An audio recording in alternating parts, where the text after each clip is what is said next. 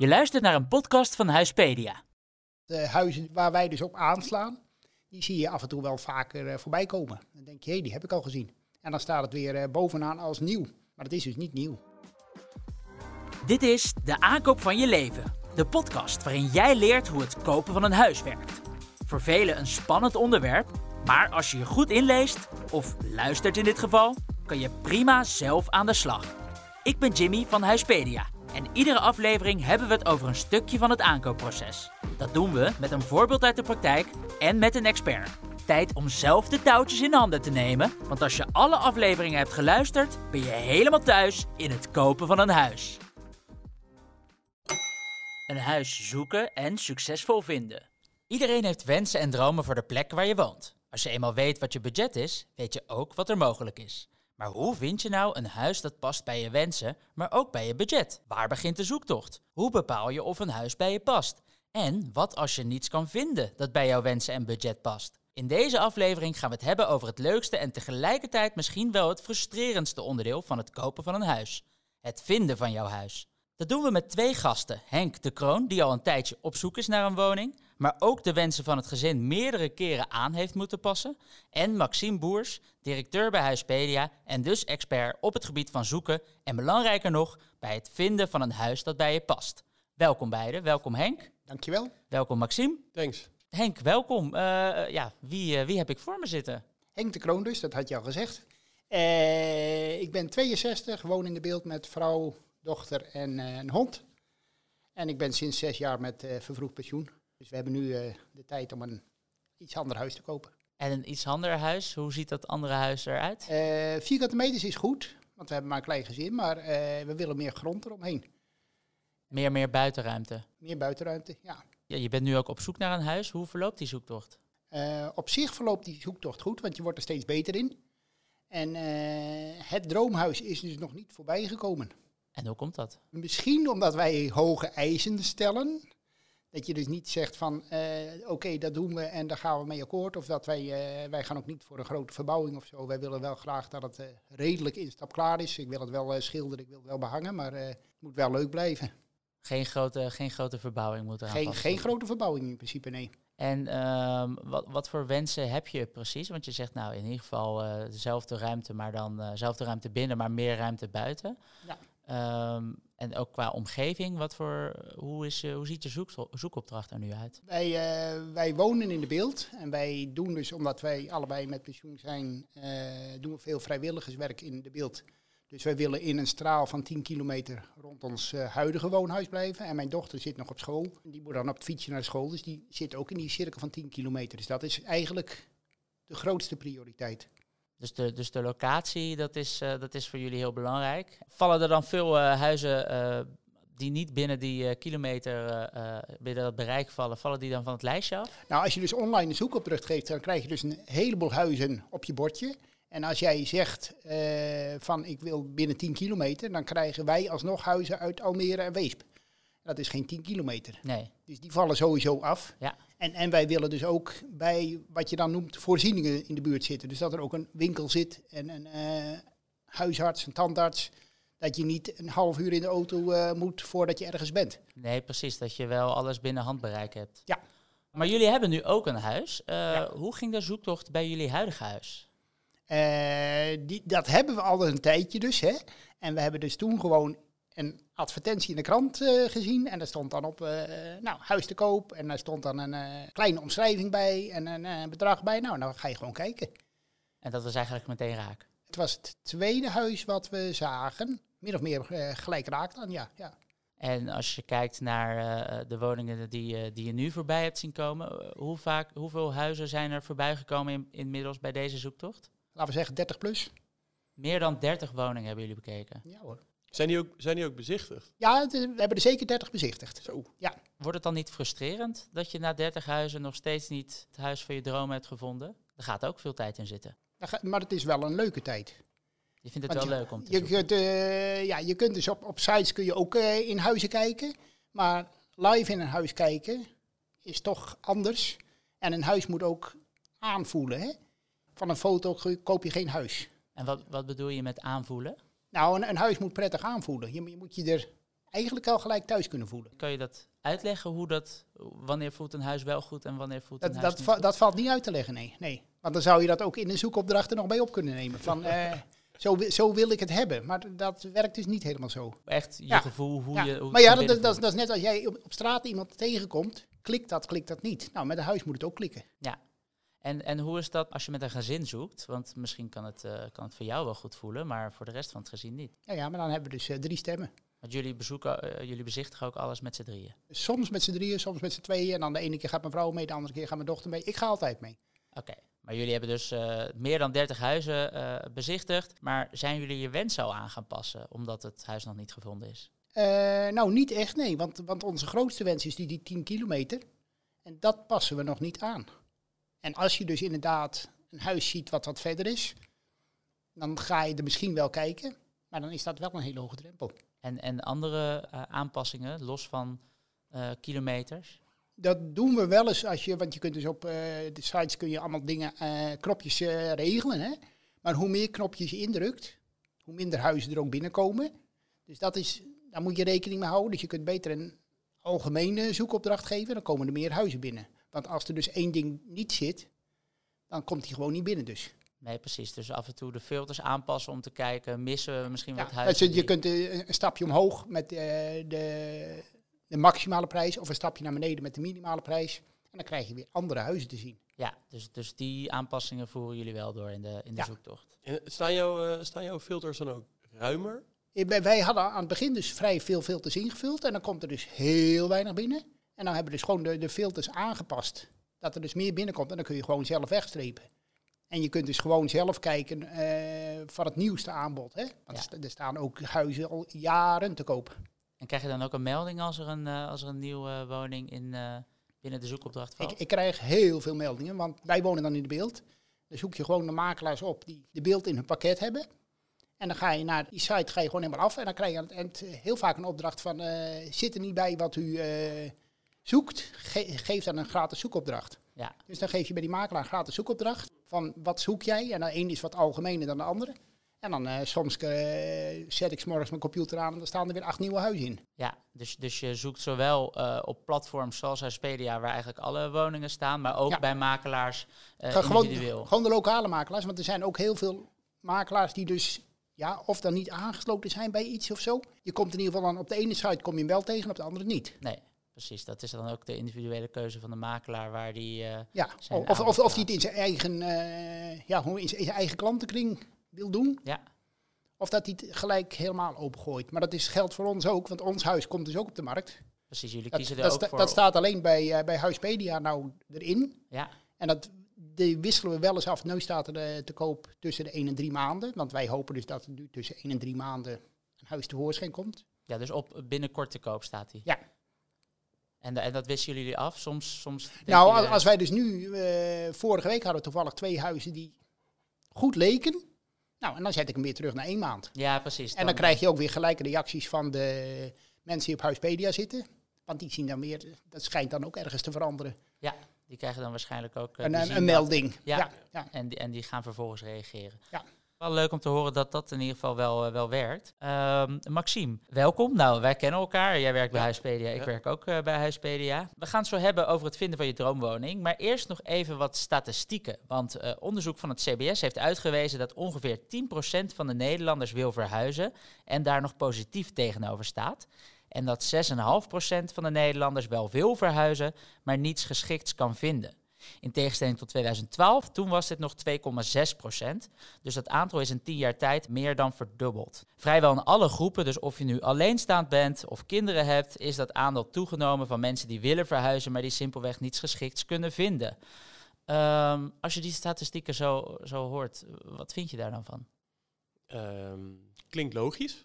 Eh, je ziet ook dat het aanbod in Nederland wel is afgenomen. Dus eh, waar, eh, denk eh, vijf jaar geleden stonden er zeker 150.000 eh, woningen in het aanbod. Zijn het op dit moment rond de 60, 70.000 woningen. Dus daar zie je ook dat dat fors is gedaald. Dat is ook meer dan de helft minder. Dat is meer dan de helft minder, terwijl meer dan de helft dus meer aan het zoeken is. Eh, we hebben ook substantieel meer mensen in Nederland die ook hier willen wonen, die op zoek zijn naar een huis. Wat we ook zien is dat meer mensen scheiden. Dus dat ook zorgt voor, in plaats van één eensgezinswoning in één keer twee, twee gezins of twee eensgezinswoningen nodig hebt. Dus dat alles bij elkaar optellend, ja, is dat wel een logisch plaatje. Ehm, het is ook wel grappig als je kijkt ook naar het beleid wat bijvoorbeeld de overheid maakt, is dat vaak gebaseerd op plannen van tien jaar. Nou, daar hebben ze bijvoorbeeld wel eh, wat ja, verkeerde inschattingen gemaakt rondom het stukje hoeveel mensen zouden gaan scheiden en hoeveel mensen naar Nederland zouden komen.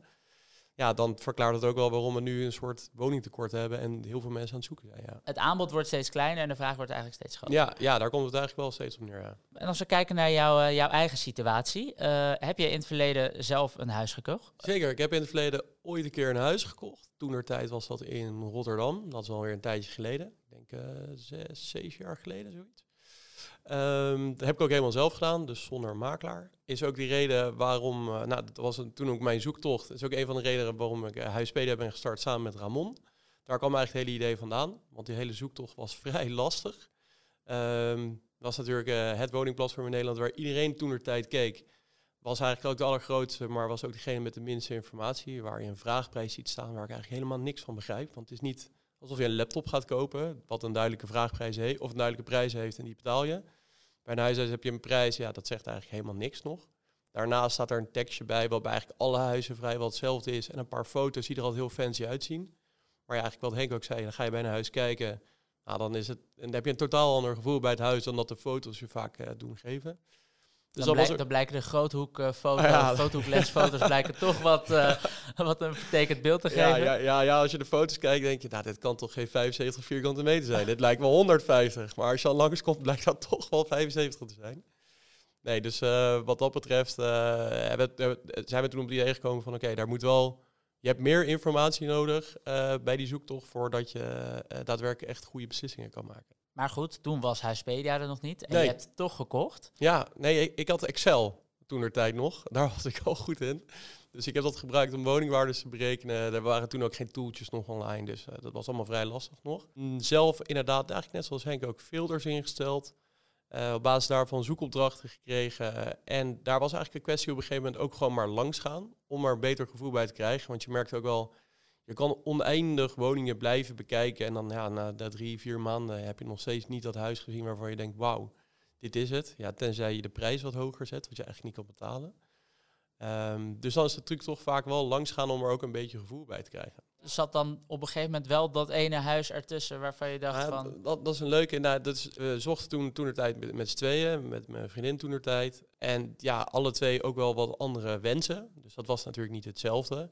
Waar ik wat minder tegen klussen op zag, was dat aan de andere kant wat meer. Dus was instap klaar vooral eh, echt een ding. Turnkey, zoals ze dat zo mooi zeggen tegenwoordig. klinkt als altijd heel hip natuurlijk. Ja, Dus dat, ja, daar zat wel wat verschil tussen.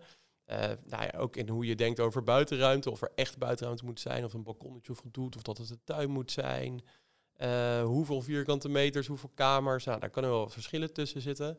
Eh, nou, en dan was dit trouwens ook een heel leuk scenario. Want uiteindelijk kwam dit huis op de markt. Je moest er toen, dit was toen nog, moest je best wel snel erbij zijn. Nou, dus toen is zij gaan kijken en ik, zat, ik was op vakantie in Portugal. En nou, toen moesten we wel snel handelen ook. Dus ja, ik heb de foto's gezien. Ik moest op basis van de foto's en eh, het advies wat ik van de andere kant kreeg, eh, een huis kopen. Want op basis daarvan hebben we een bod gedaan. Uiteindelijk eh, is dat het ook geworden. En pas bij het tekenen zag ik ook voor het eerst het huis. dus, dus destijds heeft jouw partner vooral Ja. bekeken hoe de woning eruit zag. Ja. Heb jij alleen op basis van de objectieve informatie besloten, dit kan wel, dit kan niet? Ja, nou ja, en ook het gevoel, kijk, zij was wel substantieel kritischer dan ik. Dus- als het daar goed zat, dan zal het wel goed zijn. Dat zat er ook wel een stukje bij, een Ah, stukje vertrouwen. En, en toen eh, is dat eh, tekenen eh, gelukt. En Ja. toen woonde je er eenmaal. Was het dan ook wat je, wat je had verwacht? Ja, nou, ja, het huis was precies wat ik had verwacht. En dat, dat was wel het gevoel, wat Henk ook zei, dat moet ik eerlijk zeggen, dat is wel een beetje waar. Toen ik ook ging tekenen, ik kwam binnenlopen, dan heb je ook wel het gevoel van, oh ja, dit is wel een, dit is wel een huis waar ik mezelf zie wonen. Dus dat gevoel is toch wel echt heel belangrijk. Ja. Ja, ja. Of in ieder geval het gevoel dat je echt je eigen plekje ervan kan maken. Dus dat is ook nog iets wat je mee moet nemen in je zoektocht. Dat niet Ja. altijd iedere woning zomaar gelijk als jouw woning voelt. Nee. Je moet het idee hebben dat het jouw woning kan worden. Ja, precies. Kijk, je kan er binnenlopen bij een huis. Het heeft dan allemaal paarse muren en het voelt heel donker en klein aan. Maar als je alles wit verft, ja, dan is het misschien weer een stuk lichter en wel jouw ding. Of vice versa. Je budget weten is één ding. Eh, stel Ja. dat je weet dat je budget eh 350.000 euro is, dat daar je maximale hypotheekgrens zit. Ja.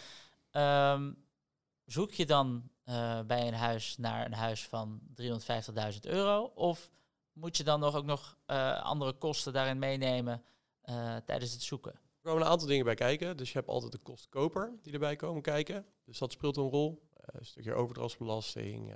Eh, je hebt soms als je makelaar neemt, makelaarskosten. Er komen allerlei andere, andere kosten bij. Dus vaak moet je toch wel 5% rekenen van de koopsom van een huis. Wat er nog aan additionele kosten bij komt, wat dan kostenkoper is. Daarnaast heb je natuurlijk ook het hele spel van onderbieden en overbieden. Dus dat staat daar weer helemaal los van. Eh, wat ook nog eens meespeelt. Nou ja, en we hebben natuurlijk komen heel erg uit een markt waar overbieden heel erg de trend was. Waar dat nu wel langzaam ziet draaien. Dus onderbieden soms ook wel veel meer trend ziet worden. Dus dat betekent, stel je voor, jij kan 300.000 euro lenen of 350.000 euro lenen. Dat is ja dan jouw budget. Eh, kan je de filters wel op 350 inzetten. eh, en kan je, kom je ook woningen tegen waar je, of waar je op kan onderbieden. Maar dat vroeger was dat wel iets anders. Als je moest gaan overbieden en je zet je filter op 300.000, ja, dan kom je wel eh, bekocht uit. Want dan moet je vervolgens daarop gaan overbieden. En dan krijg je allemaal huizen die je helemaal niet kan betalen. Ja. Die filters. Henk, is dat ook iets wat, je, wat jij meeneemt tijdens de zoektocht? Je financiële ruimte nog om bijvoorbeeld te onderhandelen en de andere kosten die er nou nog bij komen? Ja, maar wij, wij weten wat wij kunnen besteden en wij houden dat voor ons. Want je moet dus de verkoopmakelaar ook niet te veel informatie geven. Ze zeggen ook altijd, als je met z'n tweeën gaat, moet er één moet heel enthousiast zijn en de ander wat minder enthousiast. Oh ja, dus jullie spelen echt een beetje good Maar het, cop, het, is bad dus, cop. ook- het is dus ook wel wat, eh, wat hij zegt. Dus het, is een, het is een spel, maar het, eh, ja, het gaat wel om, om eh, heel veel geld. Ja. Maar het, het, het is in feite een spel wat er gebeurt. Want zij, zij zetten er gewoon een prijs op. Maar ja, is het jou dat waard? Is het huis dat waard? Maar, maar is het dan wel zo dat je soms het budget ook aanpast bij je zoekwens om te kijken, oké, is er misschien een, een woning die eigenlijk te veel geld eh, eh, online staat, waar we eventueel zouden kunnen onderbieden en dat het alsnog binnen ons straatje past? Zeker, maar de, de, de markten waar wij inkijken is eh, overbieden al tijden niet, Niet meer de trend. niet meer de trend. En, en, eh, en op momenten, dus door, ik denk ook me- mede door de verhoogde WOZ-waardes, er worden op het moment bij ons in de buurt huizen aangeboden, de echt tonnen onder de WOZ-waarde. En dan worden ze nog niet verkocht. Nee, en de WOZ-waarde is eigenlijk de, de waardeschatting die de gemeente doet om op basis daarvan belastingen te kunnen heffen op een huis. Ja, maar het is dan wel eh, afhankelijk van dus de, de WOZ van de verkochte huizen kijken. Hè. Dus er is in het verleden inderdaad overboden. En dan, eh, ja, daar baseren ze nou even de WOZ-waarde op. Precies, dus maar dat, dat- op het moment krijg je het er al, voor heel veel huizen krijg je het er al niet meer voor. Nee, dus er, is een, er zit een vertraging in het bepalen van de WOZ-waarde. Dus de WOZ-waarde is niet altijd een goede waardebepaling van het huis. Nee, maar dat, eh, ook afhankelijk van wie je spreekt, zeggen ze van, eh, nou, de WOZ-waarde zegt niks. En dan zegt ja, de WOZ-waarde zegt alles. Precies. Maar het is net hoe je, hè, hoe, je er, hoe je erin staat, of je het wilt verkopen of wil je, of wil je het kopen. Ja, of, of de WOZ daar je goed uitkomt of niet. Ja, precies. Ja. Ja, Dus het is- is ook maar een getalletje op papier. Ja. Ja. Precies. Als we kijken naar de, de informatie die, eh, eh, die op, een, op een woningprofiel staat op het moment dat je online gaat kijken naar een woning. eh, welke informatie is dan, is dan goed om op te letten? Nou, de belangrijkste kenmerk is natuurlijk woonoppervlak. Dat bepaalt ook de vierkante meterprijs, bepaalt natuurlijk de prijs. Dus dat is eigenlijk de allerbelangrijkste. Dus hoeveel vierkante meters en natuurlijk perceeloppervlak. Nou, bij Henk nou, zeker ook, denk ik, als je een grote tuin zoekt, speelt dat zeker een grote rol. Heel veel belangrijker geworden is natuurlijk het energielabel. Eh bepaalt natuurlijk je maandelijkse lasten eh, omtrent energiekosten. Maar de, het een, lager energielabel of een goed energielabel, dus eh, een A of A+, soms ook B, kan zorgen voor een lagere hypotheekrente, waardoor je dus meer kan lenen. Dus daarom is dat ook belangrijker. En kamers. Het aantal kamers. Het aantal kamers, ja. Ja, dus ga je daar met z'n tweetjes wonen in je eentje, of ga je daar met een zi- gezin of potentieel gezin, omdat je graag kinderen wil, dan zijn dat wel dingen waar je rekening mee moet houden, ja. Ja, en, en voor Henk dus bijvoorbeeld ook de, de voorzieningen in de buurt. Die staan ook eh, vaak bij een woningprofiel. Eh, hoe, hoe ver is het tot de dichtstbijzijnde supermarkt, Ja. tot een school? Eh, Ja. dat, zijn dat is ook in, in belangrijke En, en, informatie. en hoe dichtbij is de snelweg? Ja. Oh ja. Want dat, willen, dat willen we ook weten. Ja. Want daar gaan we niet zitten. Nee, ja, niet direct erop. Maar misschien kan het ook wel weer juist heel fijn zijn om snel bijvoorbeeld op de grote weg te kunnen zetten om, om snel te kunnen reizen. Ja, ja, maar ik hoef niet naar mijn werk, hè, dat scheelt. Nee, dat scheelt alweer. Dat scheelt alweer met vervroegd pensioen. Maar dat kunnen we nog niet allemaal zeggen, hè? Nee, precies. Nee.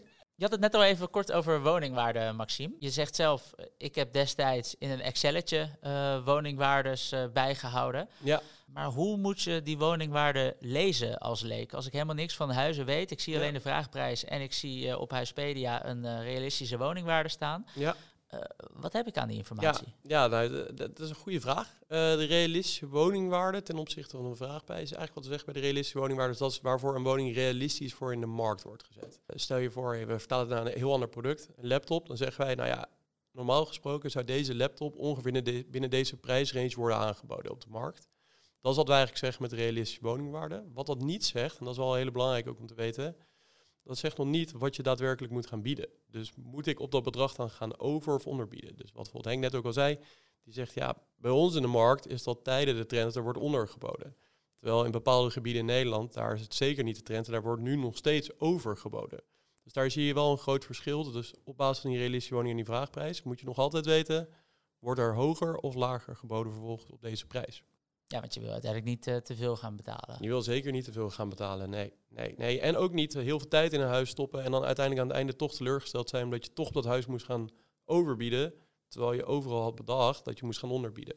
Dus het is wel heel belangrijk om dat per woning te checken eigenlijk. Oké, maar de woningwaarde zegt dus in ieder geval iets over het bereik waarbinnen het logisch zou zijn om deze woning voor te koop ja, te zetten. Ja, ja, ja, voor waar die op de markt wordt gezet. En, en waarom is dat een bereik? Waarom is dat niet een getal? Mm, nou, het kan natuurlijk een beetje verschillen. Er zijn een aantal details die verschil kunnen maken. Dus uh, bijvoorbeeld net een nieuwe keuken of niet. Of uh, staat van onderhoud die echt geweldig is onderhouden of niet. Uh, en nou, iemand kan een keuken heel mooi vinden en de ander weer heel lelijk. Dus er zit natuurlijk altijd een stukje subjectiviteit natuurlijk in de prijs.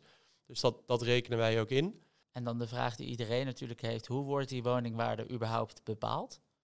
Ja, dat wordt natuurlijk bepaald door de markt. Dat zegt natuurlijk iedereen. Uh, dat is ook waarom wij een range geven. Dus wij zeggen, oké, ja, de markt bepaalt, maar dit is wel de range waarbinnen het redelijk is. Dus dat wij zeggen, oké, ja, als, je, als je een vraagprijs hier buiten zet, ja, dan heb je hem of heel hoog of heel laag gezet. Dat kan ook bewust zijn gedaan. Daar zit allemaal strategie achter. Nou, ook in het geval wat Henk, bijvoorbeeld als hij zijn huis gaat verkopen en hij heeft geen haast, dan kan het heel handig zijn om je huis hoog in de markt te zetten. Heb je niet heel veel mensen die komen bezichtigen en uh, al dat die hessel en dat gedoe erbij. Of je zet hem juist heel laag in de markt. Komen er heel veel mensen kijken, kan je hem ook heel snel verkopen. Dan krijg je ook veel competitie. Dus het kan ook een bepaalde strategie zijn om hem buiten die range te koop te zetten. Ja, en Henk, er zijn ook woningen die soms heel kort erop staan, of juist heel lang, of juist na een lange periode weer opnieuw erop worden gezet. Uh, zijn dat ook dingen waar je naar kijkt? Ja, want uh, huizen waar, waar, wij dus op aanslaan, die zie je af en toe wel vaker uh, voorbij komen. Dan denk je, hé, hey, die heb ik al gezien. En dan staat het weer bovenaan als nieuw. Maar dat is dus niet nieuw. Nee, precies. Dat is eigenlijk gewoon een trucje om hem dan weer opnieuw te plaatsen. Ja, en dat kan dan een prijsaanpassing zijn. Of ja, het gebeurt ook dat die even een week of twee, drie van de markt afgehaald wordt. En dan weer opnieuw te koop wordt gezet. En dan proberen ze het weer. En dan met een lagere prijs ook? of soms dezelfde prijs? Soms dezelfde prijs en soms net, want wat Maxime zegt van uh, 3 ton of 3,5 ton, het volgende stapje is 4 ton, het volgende stapje is 5 ton. Als je daar dan net onder gaat zitten, dus als je eerst bijvoorbeeld 5,5 vraagt, nou vraag je 4,99, dan kom je ook weer andere mensen die dus tot 5 ton willen uh, kijken, die kom je dan tegen. Ja, ja, precies. Dus, dus door vervolgens uh, een andere strategie voor ja. de vraagprijs uh, ja. te hanteren, um, kan je ook weer een hele andere doelgroep ja. aanspreken. Maar, maar wij, wij zien dus ook dat huizen te koop staan en dan binnen twee weken in één keer echt naar beneden donderen. Ja. De vraagprijs. Nou ja, dat is goede informatie als dat je daarop let. Ja, ja, Maar, maar dan, hè, dan was die prijs dus gewoon, ja, ze proberen het. En als er dan niemand op reageert, ja, dan, dan moet je wat. Ja. Maar ik, ik, ik vind het geen goed teken op zich. Maar, uh. Ja, dit gebeurt ook wel vaak hoor. Dus wij hebben bijvoorbeeld in Utrecht een huis gezien. Uh, daar hebben we dit scenario twaalf keer gezien. Dus die is twaalf keer in prijs verlaagd. Ja. Hetzelfde huis? Hetzelfde huis. Dus ja. die hebben we gewoon opgezet. Nee, werkt niet. Eraf halen. Iets lager erop. En steeds een stukje lager. Ja, dat is eigenlijk een beetje hetzelfde trucje als wat Henk nu omschrijft. Ja.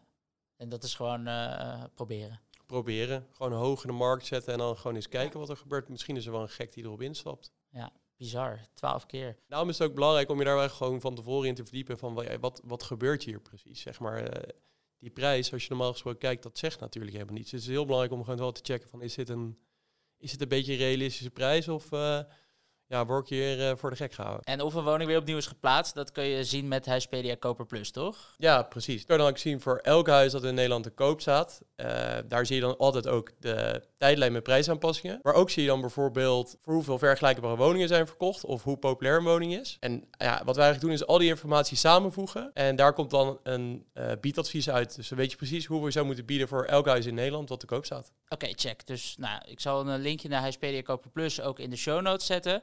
Ehm, dan is dat het stukje bieden. Gaan we even een stapje terug. Ehm, als je nou nog nooit een woning hebt gekocht, hoe bepaal je dan wat je woonwensen zijn? als ik naar mijn eigen situatie ook kijk, uh, ik dacht in eerste instantie, nou ja, uh, ehm, 50 vierkante meter, dat is wel, uh, dat is wel prima. En toen uh, nou, dan ga je een beetje, een beetje kijken en dan denk je, ja, is 50 vierkante meter eigenlijk wel, wel prima? Hoe, hoe bepaal je dat als je voor de eerste keer gaat zoeken? Wat belangrijk is? Vraag aan beide. Wat vooral belangrijk is, is dat je van tevoren kijkt van, ja, wat is mijn situatie? Dus dat kan zijn, je gaat samenwonen, en dan hoeveel kamers heb ik daarbij nodig? Of je gaat samenwonen, je wil misschien wel een kind. Hoeveel kamers heb je dan nodig? En wil je nog een keer gaan verhuizen of niet? Dus het is heel belangrijk om voor jezelf ook een beetje vooruit te denken. En dan moet je denk ik wel kijken in ieder geval vijf jaar vooruit. Zeker met een huis, dat doe je niet voor twee, drie jaar. Kijk, probeer in ieder geval vijf jaar vooruit te denken en te kijken, wat heb ik in die situatie nodig? Um, en probeer daar ook een beetje realistisch in te zijn. Dus uh, ga niet voor... Uh, nou, doe dan maar zes kamers, 150 vierkante meter, een tuin en een dakterras in het centrum van Amsterdam. Voor 200.000 euro? Voor 200.000 euro. Dan wordt het denk ik een lastig verhaal. Dan wordt het een hele lange zoektocht. Ja, ja dat wordt een hele lange zoektocht. Oké. Kijk naar het aantal kamers, of het aantal slaapkamers kijken wij, wat minimaal is. En dan ga je kijken, ja.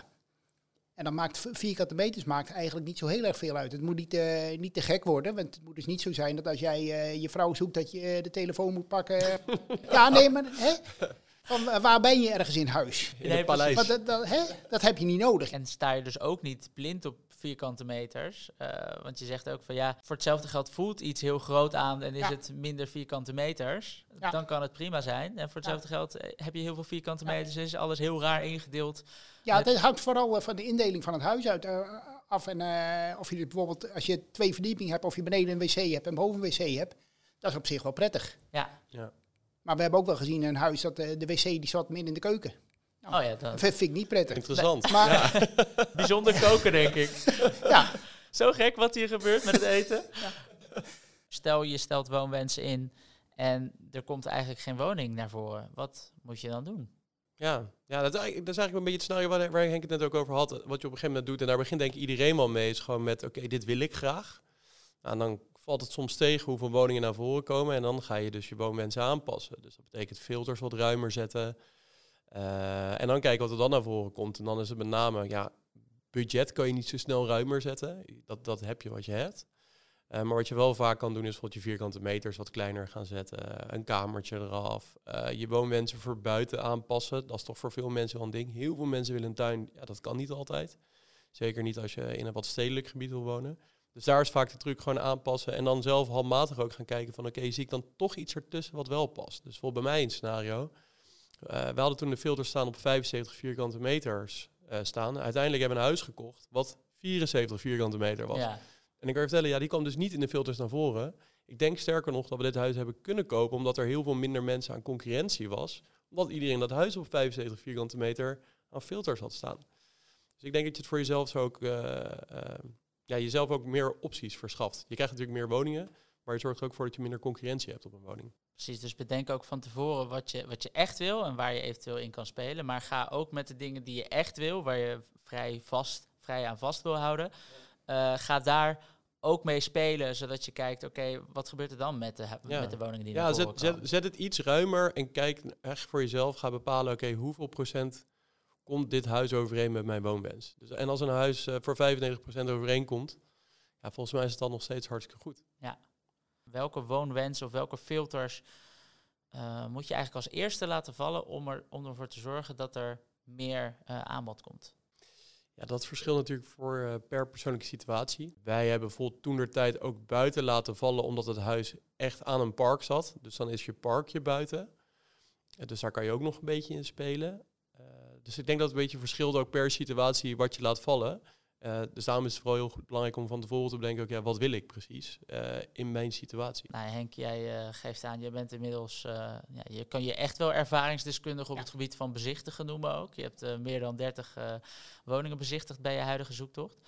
Um, kan, je, kan je zomaar ieder huis gaan bezichtigen? Hoe werkt dat? Je kunt altijd een bezichtiging aanvragen bij de makelaar als die dus op een uh, site aangeboden wordt. Uh, ja, sowieso als die bij makelaar aangeboden wordt.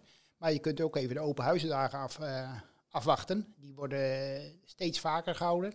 ook individueel van de makelaars. En dan eh, kun je gewoon binnenstappen.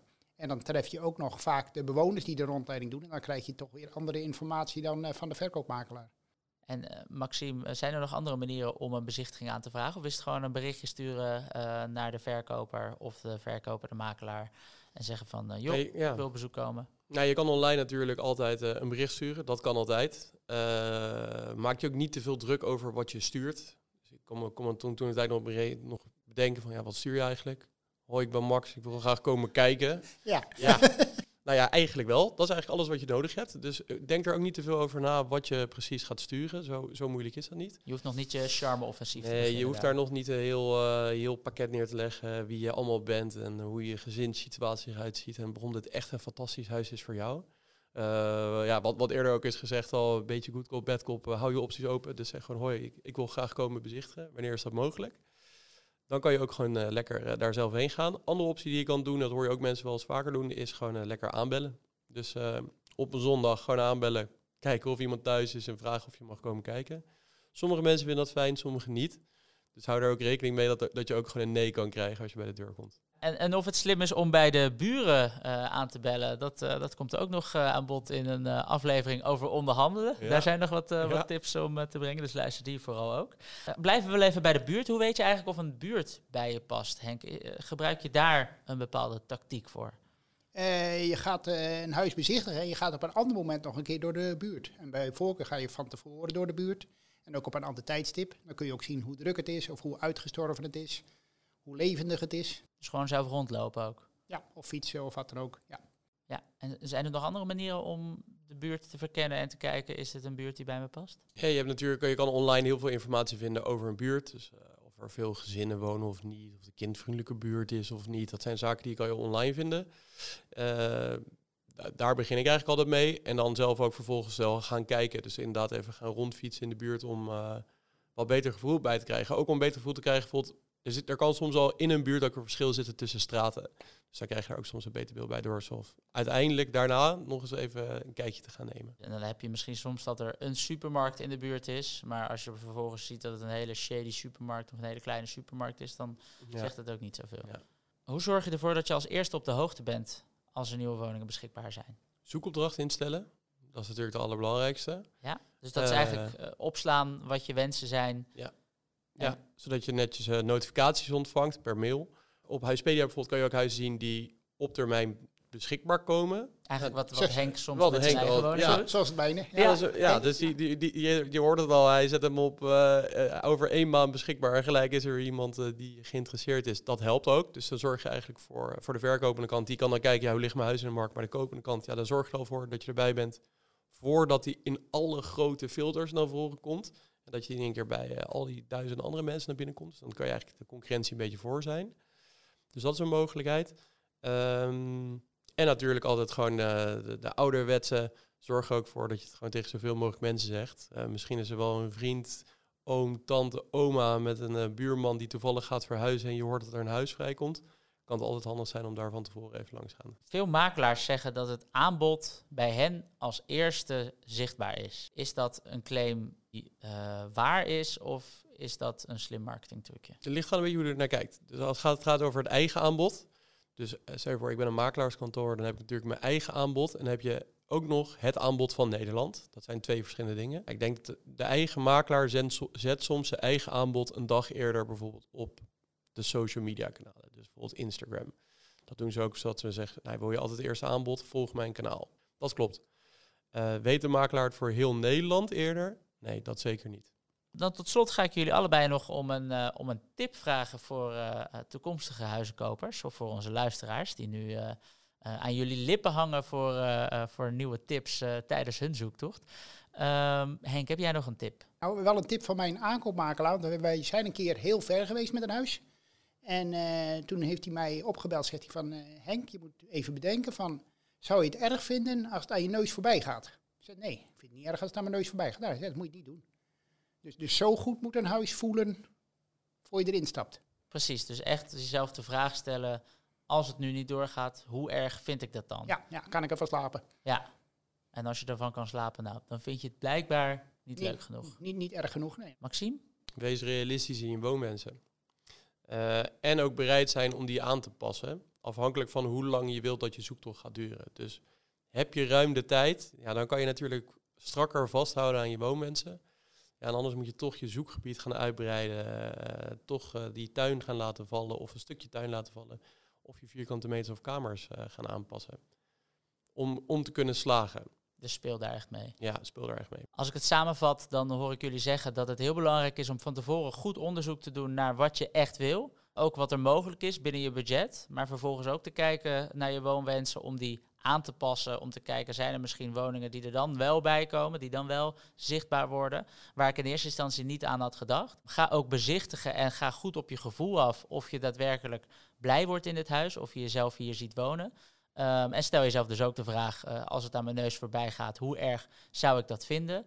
Uh, vergaar zoveel mogelijk informatie van de buurt, van de woning, uh, van de bewoners. En zorg uiteindelijk dat je echt alleen doorgaat als het heel goed voelt. Henk, Maxime, bedankt voor het delen van jullie ervaringen en kennis. Hopelijk ben je als luisteraar weer wat wijzer geworden om zelf goede keuzes te maken rondom de aankoop van je woning. Zit je te luisteren en heb je nog vragen? Stuur dan een mailtje naar info.huispedia.nl. Wil je ook succesvol een huis kopen? Zorg dan dat je nooit een aflevering mist en volg onze podcast in je favoriete podcast-app. Dan krijg je meteen een melding als er een nieuwe aflevering beschikbaar is. Tot de volgende!